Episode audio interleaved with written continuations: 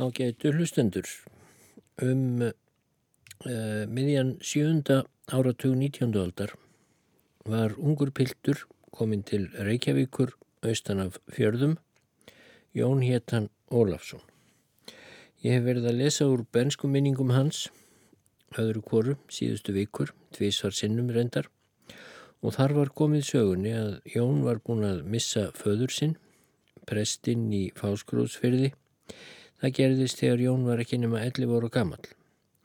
En eh, rúmum tveim misserum síðar var hann sendur söður til að nema við mentaskólan í Reykjavík. Örfáð þúsund byggu þá í Reykjavík, en bærin hafði alla 19. öldina verið að taka, þrátt fyrir mannfæð, betur að sér hlutverk höfuðstæðar, en það söpnuðust nú þangað flestar stopnannir og ennbætti. Bærin sem slíkur fekk sína fyrstu ennbættismenn árið 1803 bæjarfókita, tvo laurugli þjóna og böðul. En það var ekki fyrir 1836 að bæjarstjórn var sett á lakinnar. Læriði skólinn kom svo til bæjarinn, settir stutta við tvöl á bestastöðum og um miðja 19. öldina. Þá var nýjum og þýðingar miklum stofnunum komið á fót Alþingi var endur reist í Reykjavík, stopnu landsprentsmiðja sem skapaði grundvöld fyrir blada og bókaútgáfi í þessum litla bæ og prestaskóli stopnaður. Hann var á sinnhátt fyrsti vísir að háskóla á Íslandi, þar eða Guðfræðinám var í raun á háskóla stíi.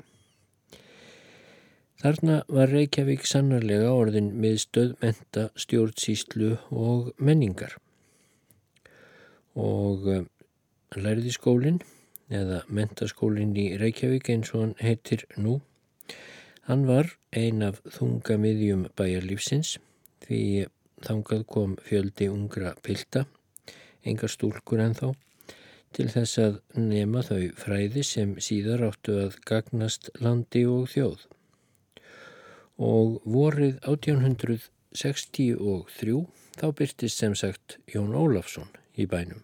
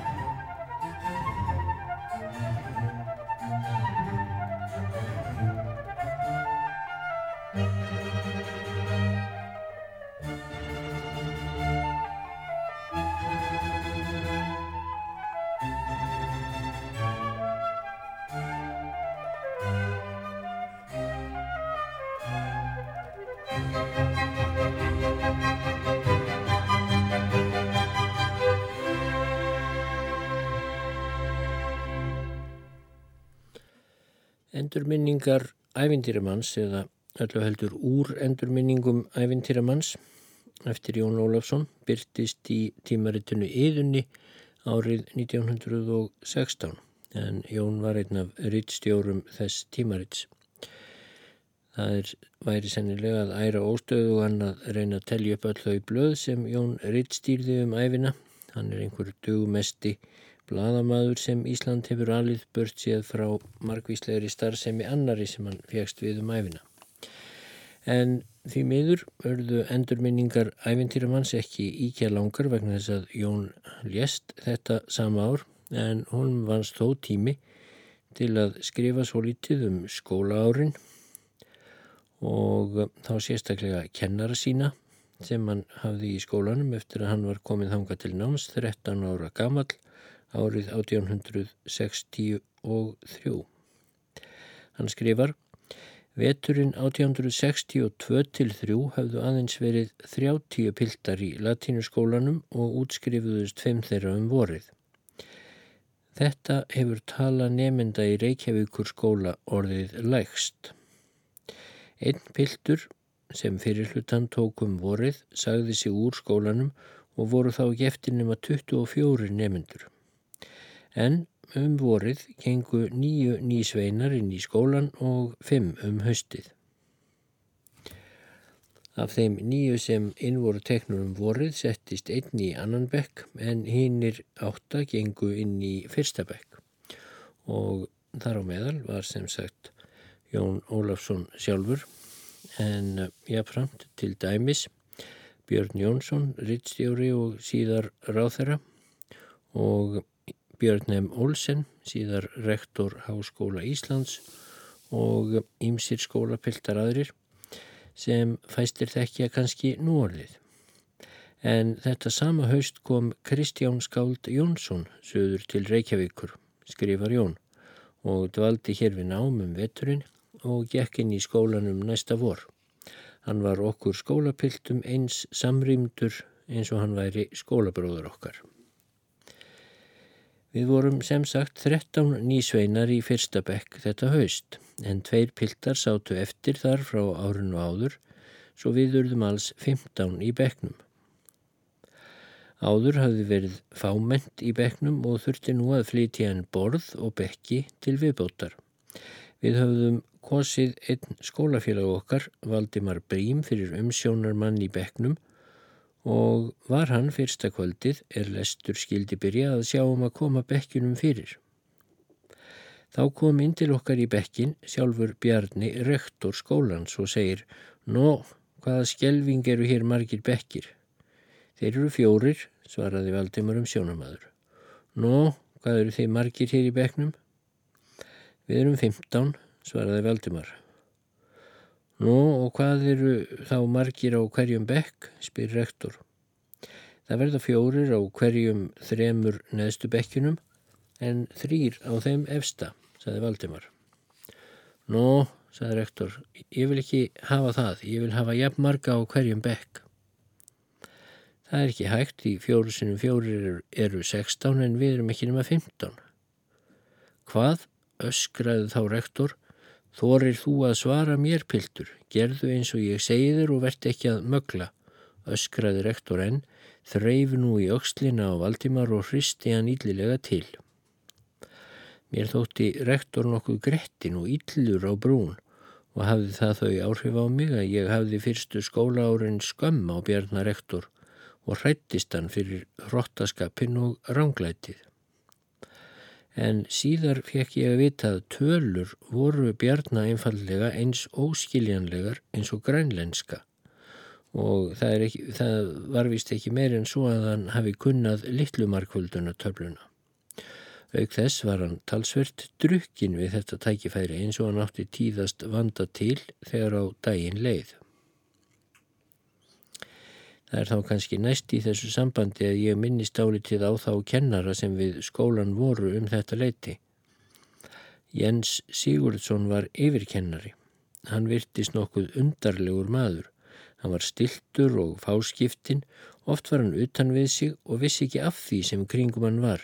Engum þegar hann var á gangi, talaði hann þá hátt við sjálfan sig og gætu oft gengið svo til dæmis ofan úr skóla og heim til sín að hann þagnaði aldrei. Gengi maður við hlýðhans eða þjett á eftir honum, hyrðist greinilega hvert orð sem hann sagði. Hann virtist oftast nær bera þungar áhyggjur. Hvað því olli skildum en þó fyrst löngu síðar þegar hann var dáin.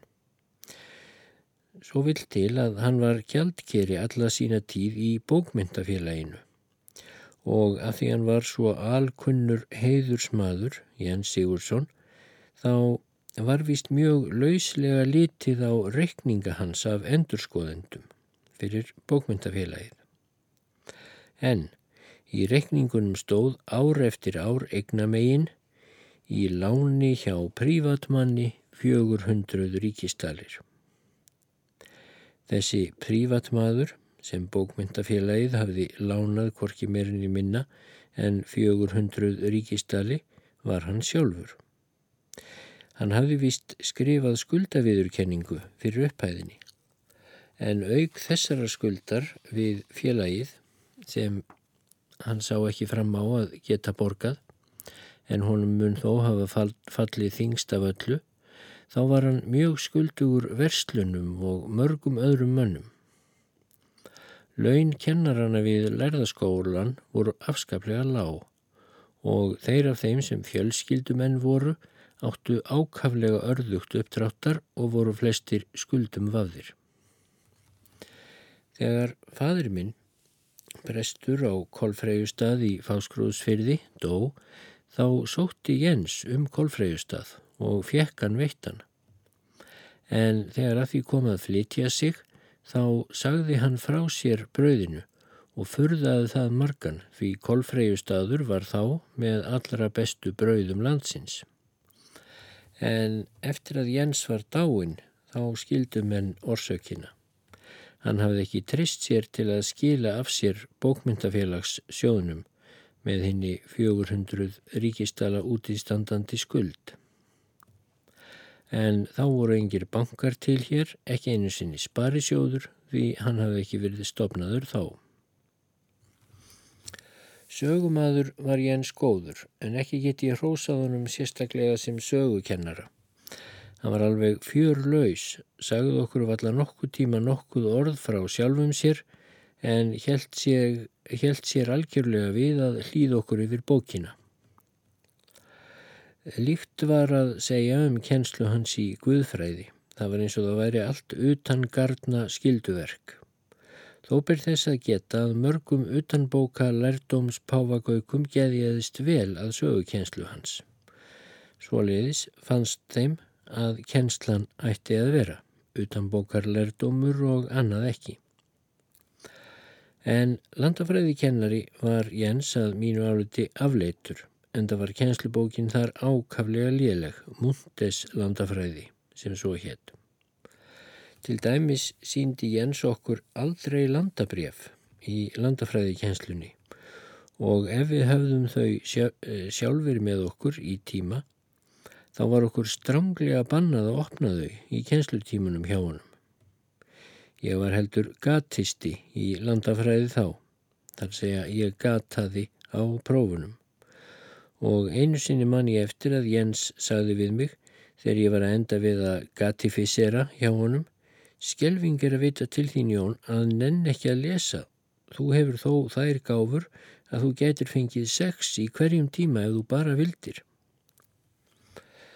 Nú ég hugsaði eftir þessu og las nú ákaflega vel hvern tíman eftir annan þanga til ég kom næstu upp orti ég meira segja rýmur út af hverju, hverju leksíu til að muna betur allt sem í bókinni stæði. Nú var ég kallaður upp að töflu átt að hlýða mér yfir og kom ég upp í Japan. Ég kunni reyprennandi, hafði þau lesið kortið heima auk þess sem ég kunni rýmuna mína um Japan. Ég stóð mig líka með afbreyðum vel þuldi upp og glemdi ekki nokkru minsta atriði. Allir voru forviða í begnum og Jens víst ekki síst. Jens sagði ekkert við mig nema svona áttu að lesa. Þegar hann var farin út, gegðist ég í protokollin og sá að ég hafi fengið fimm, en ekki sex sem var hæsta engun. Nokkru síðar kom ég upp í Guðfræði hjá Jens og var þá ámóta vel undirbúin. Þegar yfirheyslunni var lokið stóði ég kyrr meðan hann skrifaði vittnisspurð minn í protokollin og sá að hann gaf mér aftur fimm. Þá gekk ég til sætis míns og sagði svo hátt að hann mætti vel heyra það borgar sig ekki að reyna að lesa upp á sex. Næstur yfir kennaranum var eftir ennbættisaldri Haldur K.R. Fridriksson. Hann var harður í horna taka í kjenslustundum, skammaði miskunarlaust þá sem ekki kunnu og laus var honum höndin ef því var að skipta. Eins og Kristján Skáld hvað, ég gef þér kjaftsög null og nótu. En það var Haldur óvinnsælastur allra kennaranna. Aldrei slá hann þó til mín í skóla og hef ég þar líklega notið íslenskunar því í henni var ég góður. En í þýsku tímunum fekk ég oft ómældar skammir hjá honum í fyrsta bekk en það leit ég aldrei í bók í þýsku þann vettur og satt eftir í beknum um vorið einmitt út af þýskunni. Annars verði ég að segja að Haldur var þrátt fyrir allt góður kennari. Hann kendi íslensku í öllum bekkjum, þýsku í fyrsta og öðrum bekk og báðum þriðju bekkjunum, landafræði kendan í fyrsta bekk, Ingerslefs landafræði sem hann hafi sjálfur þýtt. Hann var engin frá, frábær lærdómsmaður, allvel að sér í íslensku en ekki sem best í landafræði. Þó þótti mér hann miklu betri landafræði kennari heldur en Jens. Málmynda lýsing hans, hinn íslenska, er reyndar auðug af smávillum, en það var hún frömsmíð Haldórs, en þó mátti heita yfir leitt mjög góð bók á sinni tíð. Sjálfur skrifaði Haldur gott og íslenskulegt mál. En þótt Haldur væri harður og óþjáll þá var hann venjulega réttvís. Hann gekk mjög ríkt eftir að sér væri hlýtt en smámunni gatt hann leitt hjá sér og storkanir pilda let hann ofta eins og vindum eirun þjóta þegar best gengdi. Einu sinni tókum henn upp á því kvöldin sem Haldur satt yfir þeim í, uh, á kvöldi til að syngja á sama hátt hver er sá litli Lúsifer. Hann varð vondur og sagði haldið í kæfti svína bestin ykkar og snáfiði inn í bekkinni. Honum var svarað og sagt að klukkan væri ekki komin enn, þegið þá eins og þorskar þanga til klukkan slær, því var auðvitað hlýtt í svipin. En svo endur tók þetta sig lengi kvöld eftir kvöld bara því piltar höfðu gaman af að gera Karlin vondan Lóks þreyttust þeir þó á þessu og endanum stein hætti þetta. Næstur af kennurunum var Gísli Magnússon. Gísli var einhver með allra gáfuðustu mönnum sem ég hef þekkt, sífjörugur í anda, gladlindur og skemmtilegur viðkynningar með afbreyðum. Engan mann hef ég þekkt nema Konráð Gíslason sem hafi haft jafn næmt eira fyrir hrytni íslensku, hvort heldur daglegu máli eða bókmáli. Ekki skal því neytað að gísli væri stundum meira fornirtur heldur en vel fer á og einkennilegs sérkennileika sem sumir kölluðu sérvisku kennir víða í riti hjá honum og var það af ásetningi því hann hafi gaman af að stinga mönnum slíku út. Hann hafi og gaman af til dæmis í sendibrefum að vaða elginum allan þremilinn og gera útúrdúra í ymsar áttir og voru bref hans afbreyða skemmtileg. Þessi útúrdúra árátta var mjög ríkíunum. Latneska orðabók með íslenskum þýðingum hafði hann í smíðum um mörg, mörg ár. Þó hugsa ég að Gísli hafi verið að mestu hættur við hana síðustu árin. Það sem lengra var komið af henni en á lausa miða reynskrifaði hann í léreft spundnar bækur fjórblöðunga nokkuð þykka og skrifaði í hálft. Manni eftir því að bækurnar lágu í bunga á hliðinni og var staplinn með bókstafnum A á að gíska 20 þumlunga hár frá gólfi eða meira.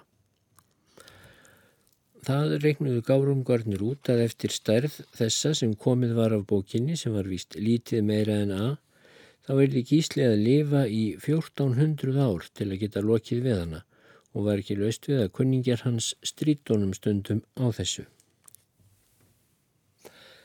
Það var enginlegt við kjenslu gísla að hann leið ekki nefnendum að nota nokkurt óíslenskt orð eða óíslenskulega setningaskipan þegar þeir í kjenslu stundum snýru latínu eða grísku á íslensku og tók jafn hart á því eins og miskilningi eða skilningsleysi á frumálinu. Þetta hafði góð áhrif á okkur nefnendur.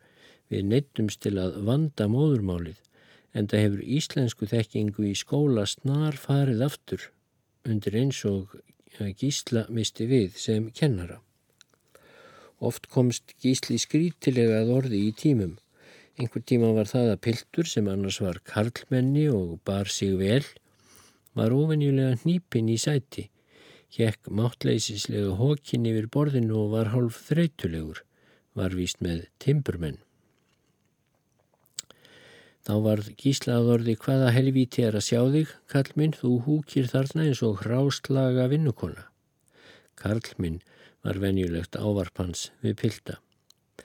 Einat skýrði hann tilsögn sína með smásögum og skrýtlum voru smásögurnar oft austan úr þorlákshöfn eða flóa og var það jafnan til þess að gera okkur nefndunum minnisfasta einhverja reglu eða einhver ummæli sem okkur var gott að muna. Einhver tíma kom uh, það fyrir að við vorum að uh, lesa eitthvað sem uh, átt að minna á málsáttin á mísjöfnu þrýfast börnin best. Þá sagði Gísli, í mínu ungdæmi var aldraður maður bláfáttækur austur í Þorláshöfn, hann varð fyrir einhverju slísi eða áfalli og þá sagði einhver við hann að á mísjöfnu þrýfist börnin best.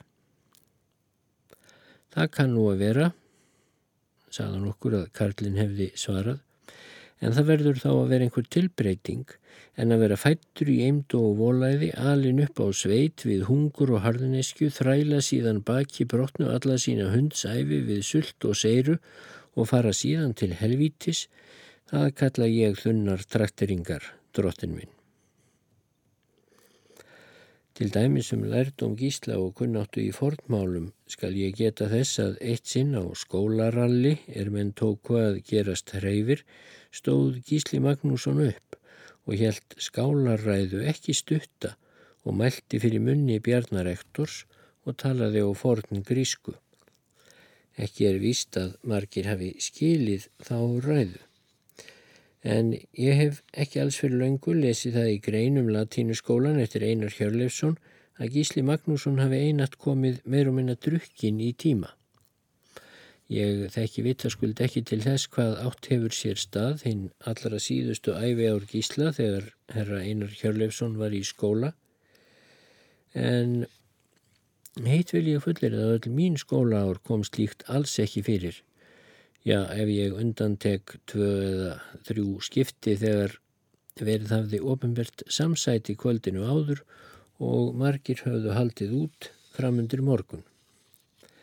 Gísli mátti heita Rókur alls fagnaðar í hverju samkvæmið.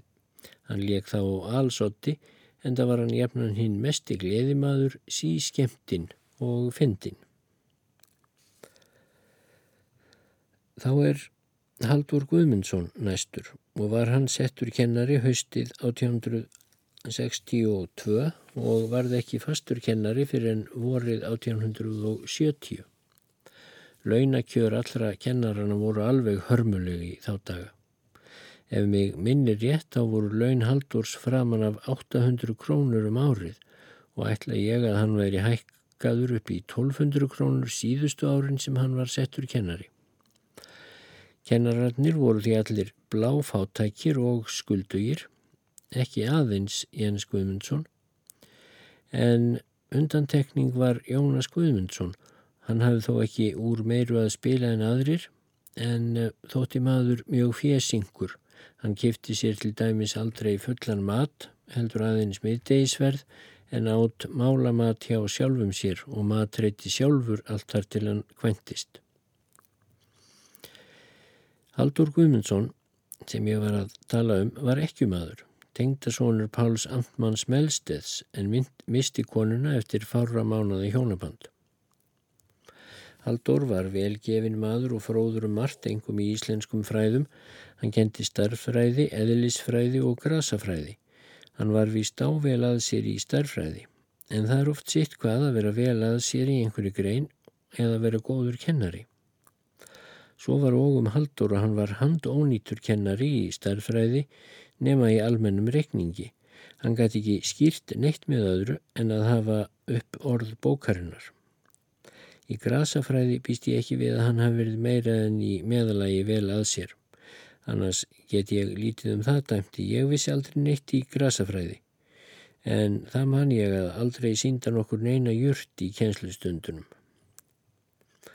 en einu sinni á hverju voru fengu annars bekkingar frídag einhvern góðan veðurdag og fóru þeir þá með haldóri kennara sínum eitthvað út í hagan að skoða grös. En grasafræði var aðeins kendi í öðrum bekk. Aldrei veit ég hvert ferðinni hefur verið heitið en hún varðvist sjaldan lengri en inn í fósfóg. Þá var Haldur orðin þjettingsfullur og við allir sem fullir gátum orðið líka. Því það var vani að nesta sig vel í grassaferðina, bæði að mat og drikk, raunar engum að drikjarfengum.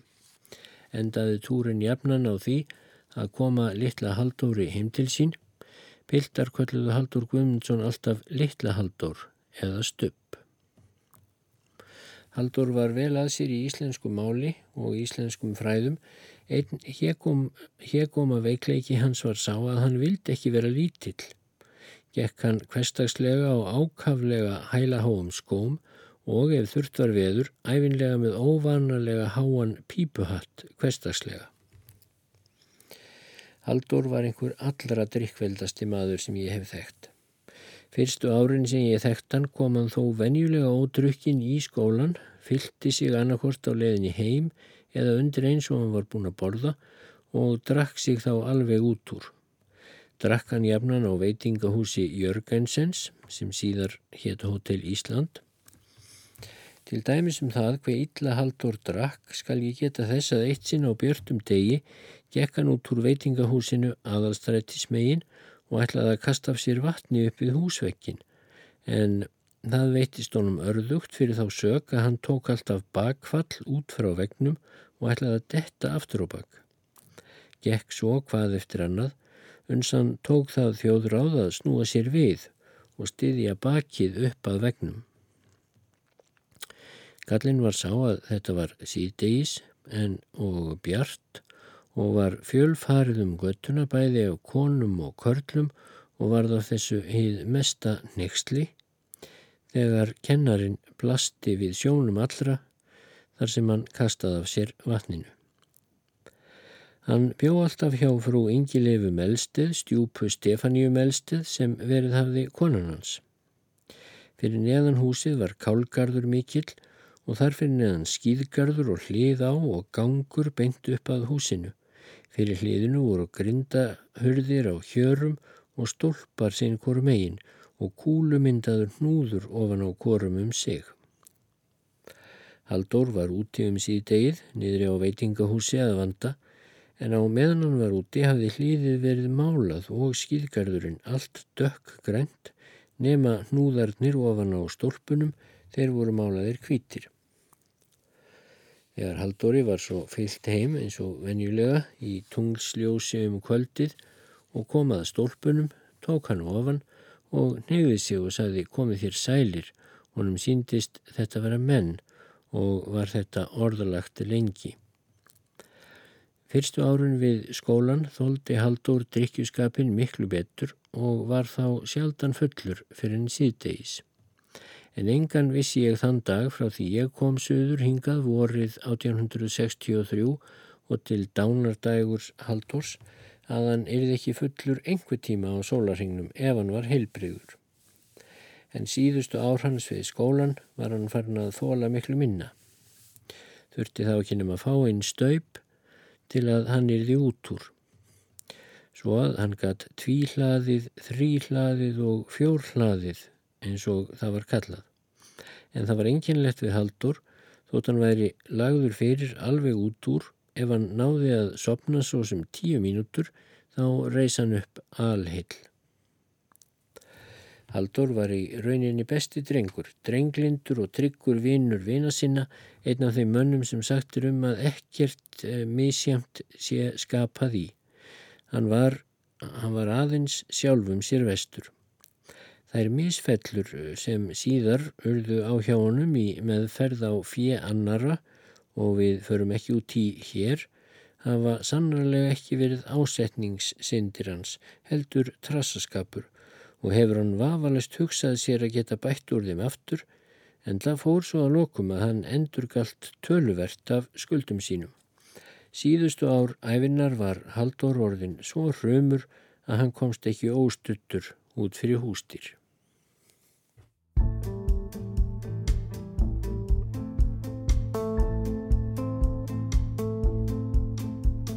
Flughræstan er fyrir því að vera nokkurt mál ekki veri myrkvælinn og martraðirnar. Og ég myndi ekki ansa þessum innan tökum. Við næði alltaf einhverju niðri. Eitthvað stress því í stuði því ég res á ekki dansa. Eitthvað stress því í stuði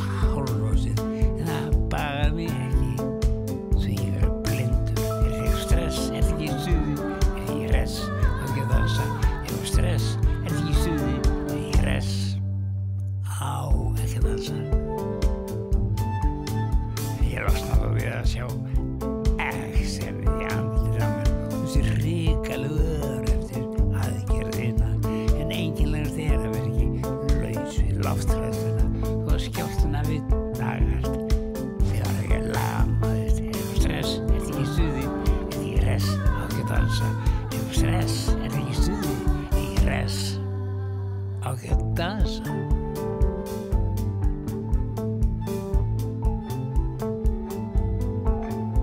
Og verkurinn í brjóstinu hefur aldrei verið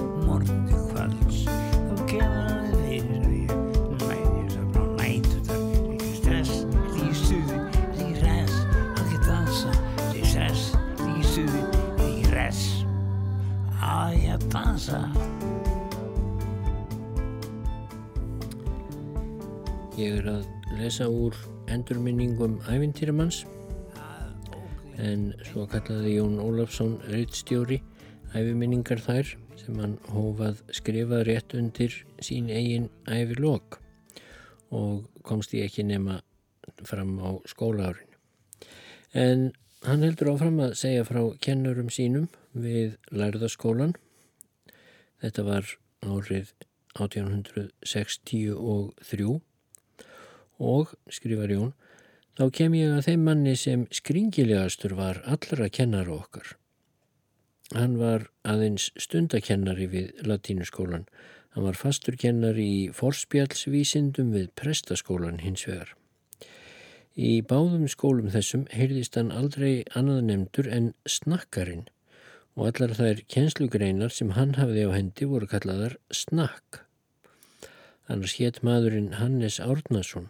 Hann var kandidat í Guðfræði frá Kaupmannhöfn og hafði fengið veitingu fyrir staðastað 1848 en undi sér ekki þar innan um pöpulinn eða skrílinn sem hann kallaði svo og fekk þegar um haustið í september kennara ennbættið í fors, forspjallsvísindunum við prestaskólan og svo e, kennslu ennbætti í dýrafræði og steinafræði við latínuskólan. Árið sem hann výðist kvæntist hann danskri konu og voru þau barn laus. Honum var miklu tamar í danska heldur en íslenska, þó talaði hann íslensku eða íslensku blendingi í kjenslustundum. Margar skrítnar og enkenlegar sögur gengu um sér að Hannes og ganga enn. Er eigi gott að vita hvað sattir í þeim og hvað ekki en allar eru þær þessi að lissa þær líktust manninum og flestar eins líklegar til að vera sannar eins og hitt. Hann var þess konar maður sem Danir kalla en original en við eigum ekkert orð í máli voru yfir þá hugmynd sumir hafa kallaða sérvitring en það er alls ekki rétt þó að slíkir menn séu oft sérvitrir líka. Ef til vil mætti í flestum tilfellum kalla originals skringimenn því að slíkir menn voru jafnan frábrögunir öðrum í hugsun og háttum og þá nær ávald á þann veg að þeir verða eitthvað skringilegir. Margar sögur voru sagður um sér að Hannes. Einn var svo að þegar hann výðist hér í domkirkjunni og átt að stígi í stólinn þá viltist hann upp í biskupsætið og er af því laung og mikil saga sem komísk þótti á sínum tíma. Önnur saga segir frá því er hann messaði í fyrsta sinn á staðastað. Hann hafði skrifað ræðu sína á laus blöð og tölusettu. Honum lá látt rómur og heyrðist lít til hans. Hann var maður grannur og pervísin, mjög lotin í herðum og skust fram hálf bógin þegar hann gekk og er líklegt að hann hafi verið engar kímilegur ásýndum í hempu. Vístur um það að sóknarfólkinu á staðastað mun hafa orðið starfsýnt á nýja prestin og þótt maðurinn heldur ósélegur. Og með því að málrómurinn var lágur og frambörðurinn mun hafa verið heldur óáheyrilegur, þá heyrði fólk ekki til hans og fór að smá flytja sig innar eftir í kirkjunni, uns svo fór að lokum að söpnuðurinn stóð allur í þyrpingu utanum breytingunarstólinn. Sér að Hannesi þótti þetta óviðfeldið og fór að snugga í fólkinu og tautaði við sjálfan sig ætlar pupullin alveg ofan í mig. En þarna stóð söpnuðurinn þar til ræðan var á enda, henni laukrindar á nokkuð enkenlegan hátt. Það hafði komið fát á prestinn þegar hann sá söpnuðin þyrpast svona utanum sig og mistan þá ræðublöðin úr hendi sér á gólfið og tvístruðust þau um allt. Sér að Hannes var ákaflega nærsýtn og hafði því orðið að halda ræðublöðunum þétt upp að augunum. Hann fór samt að týna upp blöðin úr gólfinu og var þá heldur fum á honum en blöðin höfðu tvístrast laus út um stólgólfið og var því ruggluð öllu röðin á blöðunum þegar hann hafði náðið saman. Hann held samt áfram að þylja upp af einhverju blaðsíðu en þegar hann þurfti að fletta við var ekkert samhengi við næstu blaðsíðu Hann fór þá að reyna að raða blöðunum eftir tölustöfunum og nefndi upphátt blaðsíðutölin. En að lokum gafst hann upp við þetta og ræðan mun hafa endað á þessa leið. Nýju, átján, þrettán, ekki á það saman, kannski við höfum þá bara amen. Ekki hef ég frétt hvort messurnar eruðu fleiri á staðastað en það var allavega aðeins nokkrum vikum síðar sem sér að Hannes fluttist alfarinn til Reykjavíkur. Hann var allra manna skringilegastur í framkomu og var valla auðið fyrir þá sem sá hann í fyrsta sinn að verjast hlátri. Kom það sér illa fyrir nýsveina því Karlinn var allra manna spjærhættastur og hiftargrimmur við hvert þann sem hann helt hlæjaði sér eða ekki sína sér tilhlýðilega virðingu. Eitt sinn heimtaði hann pilt rekin úr skóla fyrir það að hann hafði ekki tekið ofan, ofan fyrir sér á götu. Úr brottræksturinnum var þó ekki því að rektor og kennararnir jöfnuðu þetta á kennararfundi. Ég var sjálfur mjög nersýn þegar ég kom í skóla og þekkti varla mann góða götu breytt frá mér. Þessi síðasta saga um sér að Hannes leiti til þess að ég fór til Littla Haldórs sem var sá eini sem hafi glerugnasölu í Reykjavík og fekk hjá honum íkvolf gleraugu svo sterk að ég þekkti hvern mann meira en teiks lengt hjá mér. Gerði ég þetta fyrst og fremst til þess að vera örugur um að þekkja sér að Hannes á göttu ef ég rækist á hann og kæmi ég til dæmis hjá Livjabúðinni við söð-vesturhorn Östurvallar þá þekkti ég glögt sér að Hannes þegar hann kom fyrir norð-Östurhornið. Tók ég þá rækilega ofan og neyði mig afar djúft. Karlinn hafði arnaraug og tók jafnan eftir því er honum var hilsað hversu langt álengdar sem var og nöyt ég þessa hjá honum alla mína skólatíð þótt aldrei vissi ég neitt í því sem hann kendi. En í fyrsta kjenslutímanum hjá honum í skóla átti ég ákaflega bátt. Mér þótti hann svo skringilegur undir eins og hann kominn úr dýrunum að ég ætlaði ekki að geta varist hlátri. Og þetta helst raunar allan tíman, svo ég hafði ekki önnur ráð en halda vasaklútnum fyrir munninum allan tíman. Karlinn tók eftir þessu og spurði hvort nokkuð gengi að mér.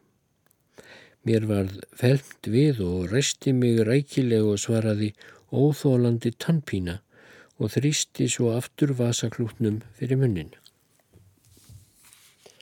Hann spurði hvort ég vildi ekki fá frí og fara til læknisins og hef ég sjaldan orðið fegnari en þegar ég skauðst út úr dyrunum og neyði mig þá djúft.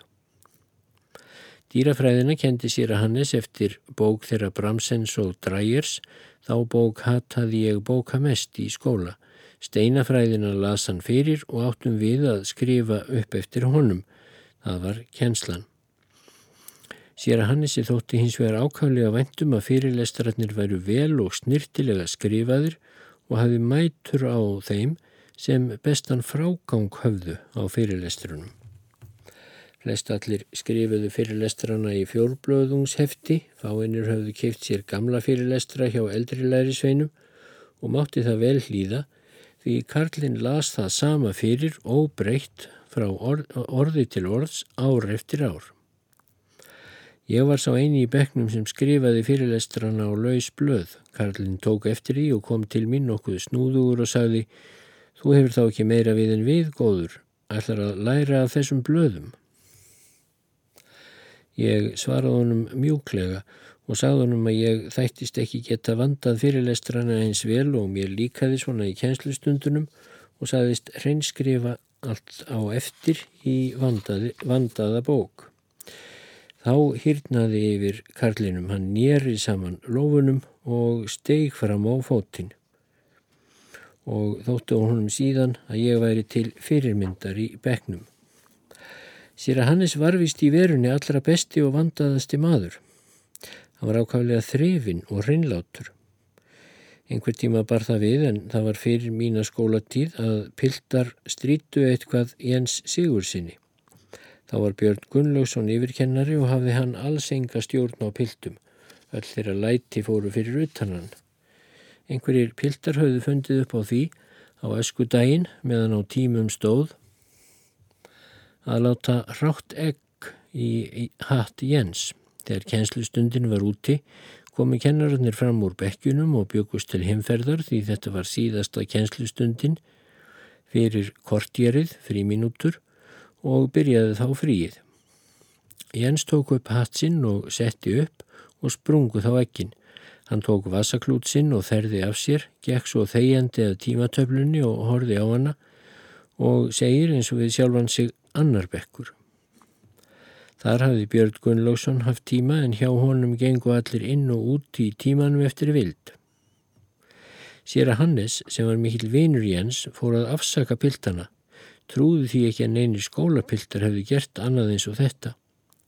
Það myndi einhverjir utan skólastrákar hafa gert þetta sem hefðu stólist inn í skólagangin þar sem föttin hingu. Sér að Hannes gekk jafnan á ákaflega velburstuðum skóm og hafði utan yfir þeim að ég held bæði sumar og vetur feikna við vastígvél, loðin annan og fór nú að fara í þau en þá byllaðist og spýttist eitthvað vott upp um hann allan. Piltar höfðu þá tekið sig til og hálf fyllt stígvilinn hans. Já, fjandin forsvarað á nú sívertsin. Hann hafði einhver tíma, hefði einhver tíma rokið upp við minna en af því að Jens hafði ekkert gert ílt umtal um hrekkin við sig, þá saði sér að Hannes heldur ekki meira í þetta sinn. Til merkisum þryfnaðarviðleitni sér að Hannesar má geta þess að um sérkverja bók í bókaskápnum sínum hafði hann skrifpappir um spjöld og kjöl og skrifaði á kjölin bókarnafnið. Á hverjum einasta sunnundegi snýri hann við sérkverri bók í skápunum svo að þær stóðu aðra hvora viku á höfði. Gerðan það bæði til að forða ríki sem ekki myndi sapnast á þær við þetta og eins til þess að þeir skildi ekki missíga í bandinu. Söngkennarin var Pétur Guðjónsson. Hann var jáfnframt skrifari stiftandmanns. Hann var maður vinsæl af flestöllum skólapiltum en þarfir utan áttan nokkra fáa vini sem mátu hann mikils að verðleikum en fleiri áttan þó óvinni og ég vil hatursmenn. Er það vel skiljanlegt þeim sem vel þekktu Pétur því hann var maður alls ekki við allara skap. Hann gæti verið blíður og ástríkur vinum sínum en annars stórbokki og þjöstnalegur þegar svo stóð á hjá honum. Sérstaklega var hann önugur og óþjáll án víns en til allarar hamingju var söngkennarin sjaldan án víns nema rétt þegar hann var nývaknaður á mótnana. Hann byrjaði skrifstofustörf sín klukka nýja á mótnana, á leiðin upp á skrifstofuna kom hann jefnan við í búð á leiðinni og þar fekk hann sér einhverja hjartastyrkingu og fór svo á skrifstofuna. Pétur skrifaði ágæta reittönd en þegar hér var komið var hann svo skjálfendur að hann kom engum staf á pappirinn fyrir en hann hafði fengið morgunskattin en þá sá heldur ekkert á hendinni. Við vín var hann blíður eins og barn og hverjum manni elskulegri. Fleiri kennarar voru ekki við skólan í minni tíð heldur en þeir sem ég hef nú nefnt og skal ég nú vikja örfa á morðum að skóla lífinu yfir höfuð.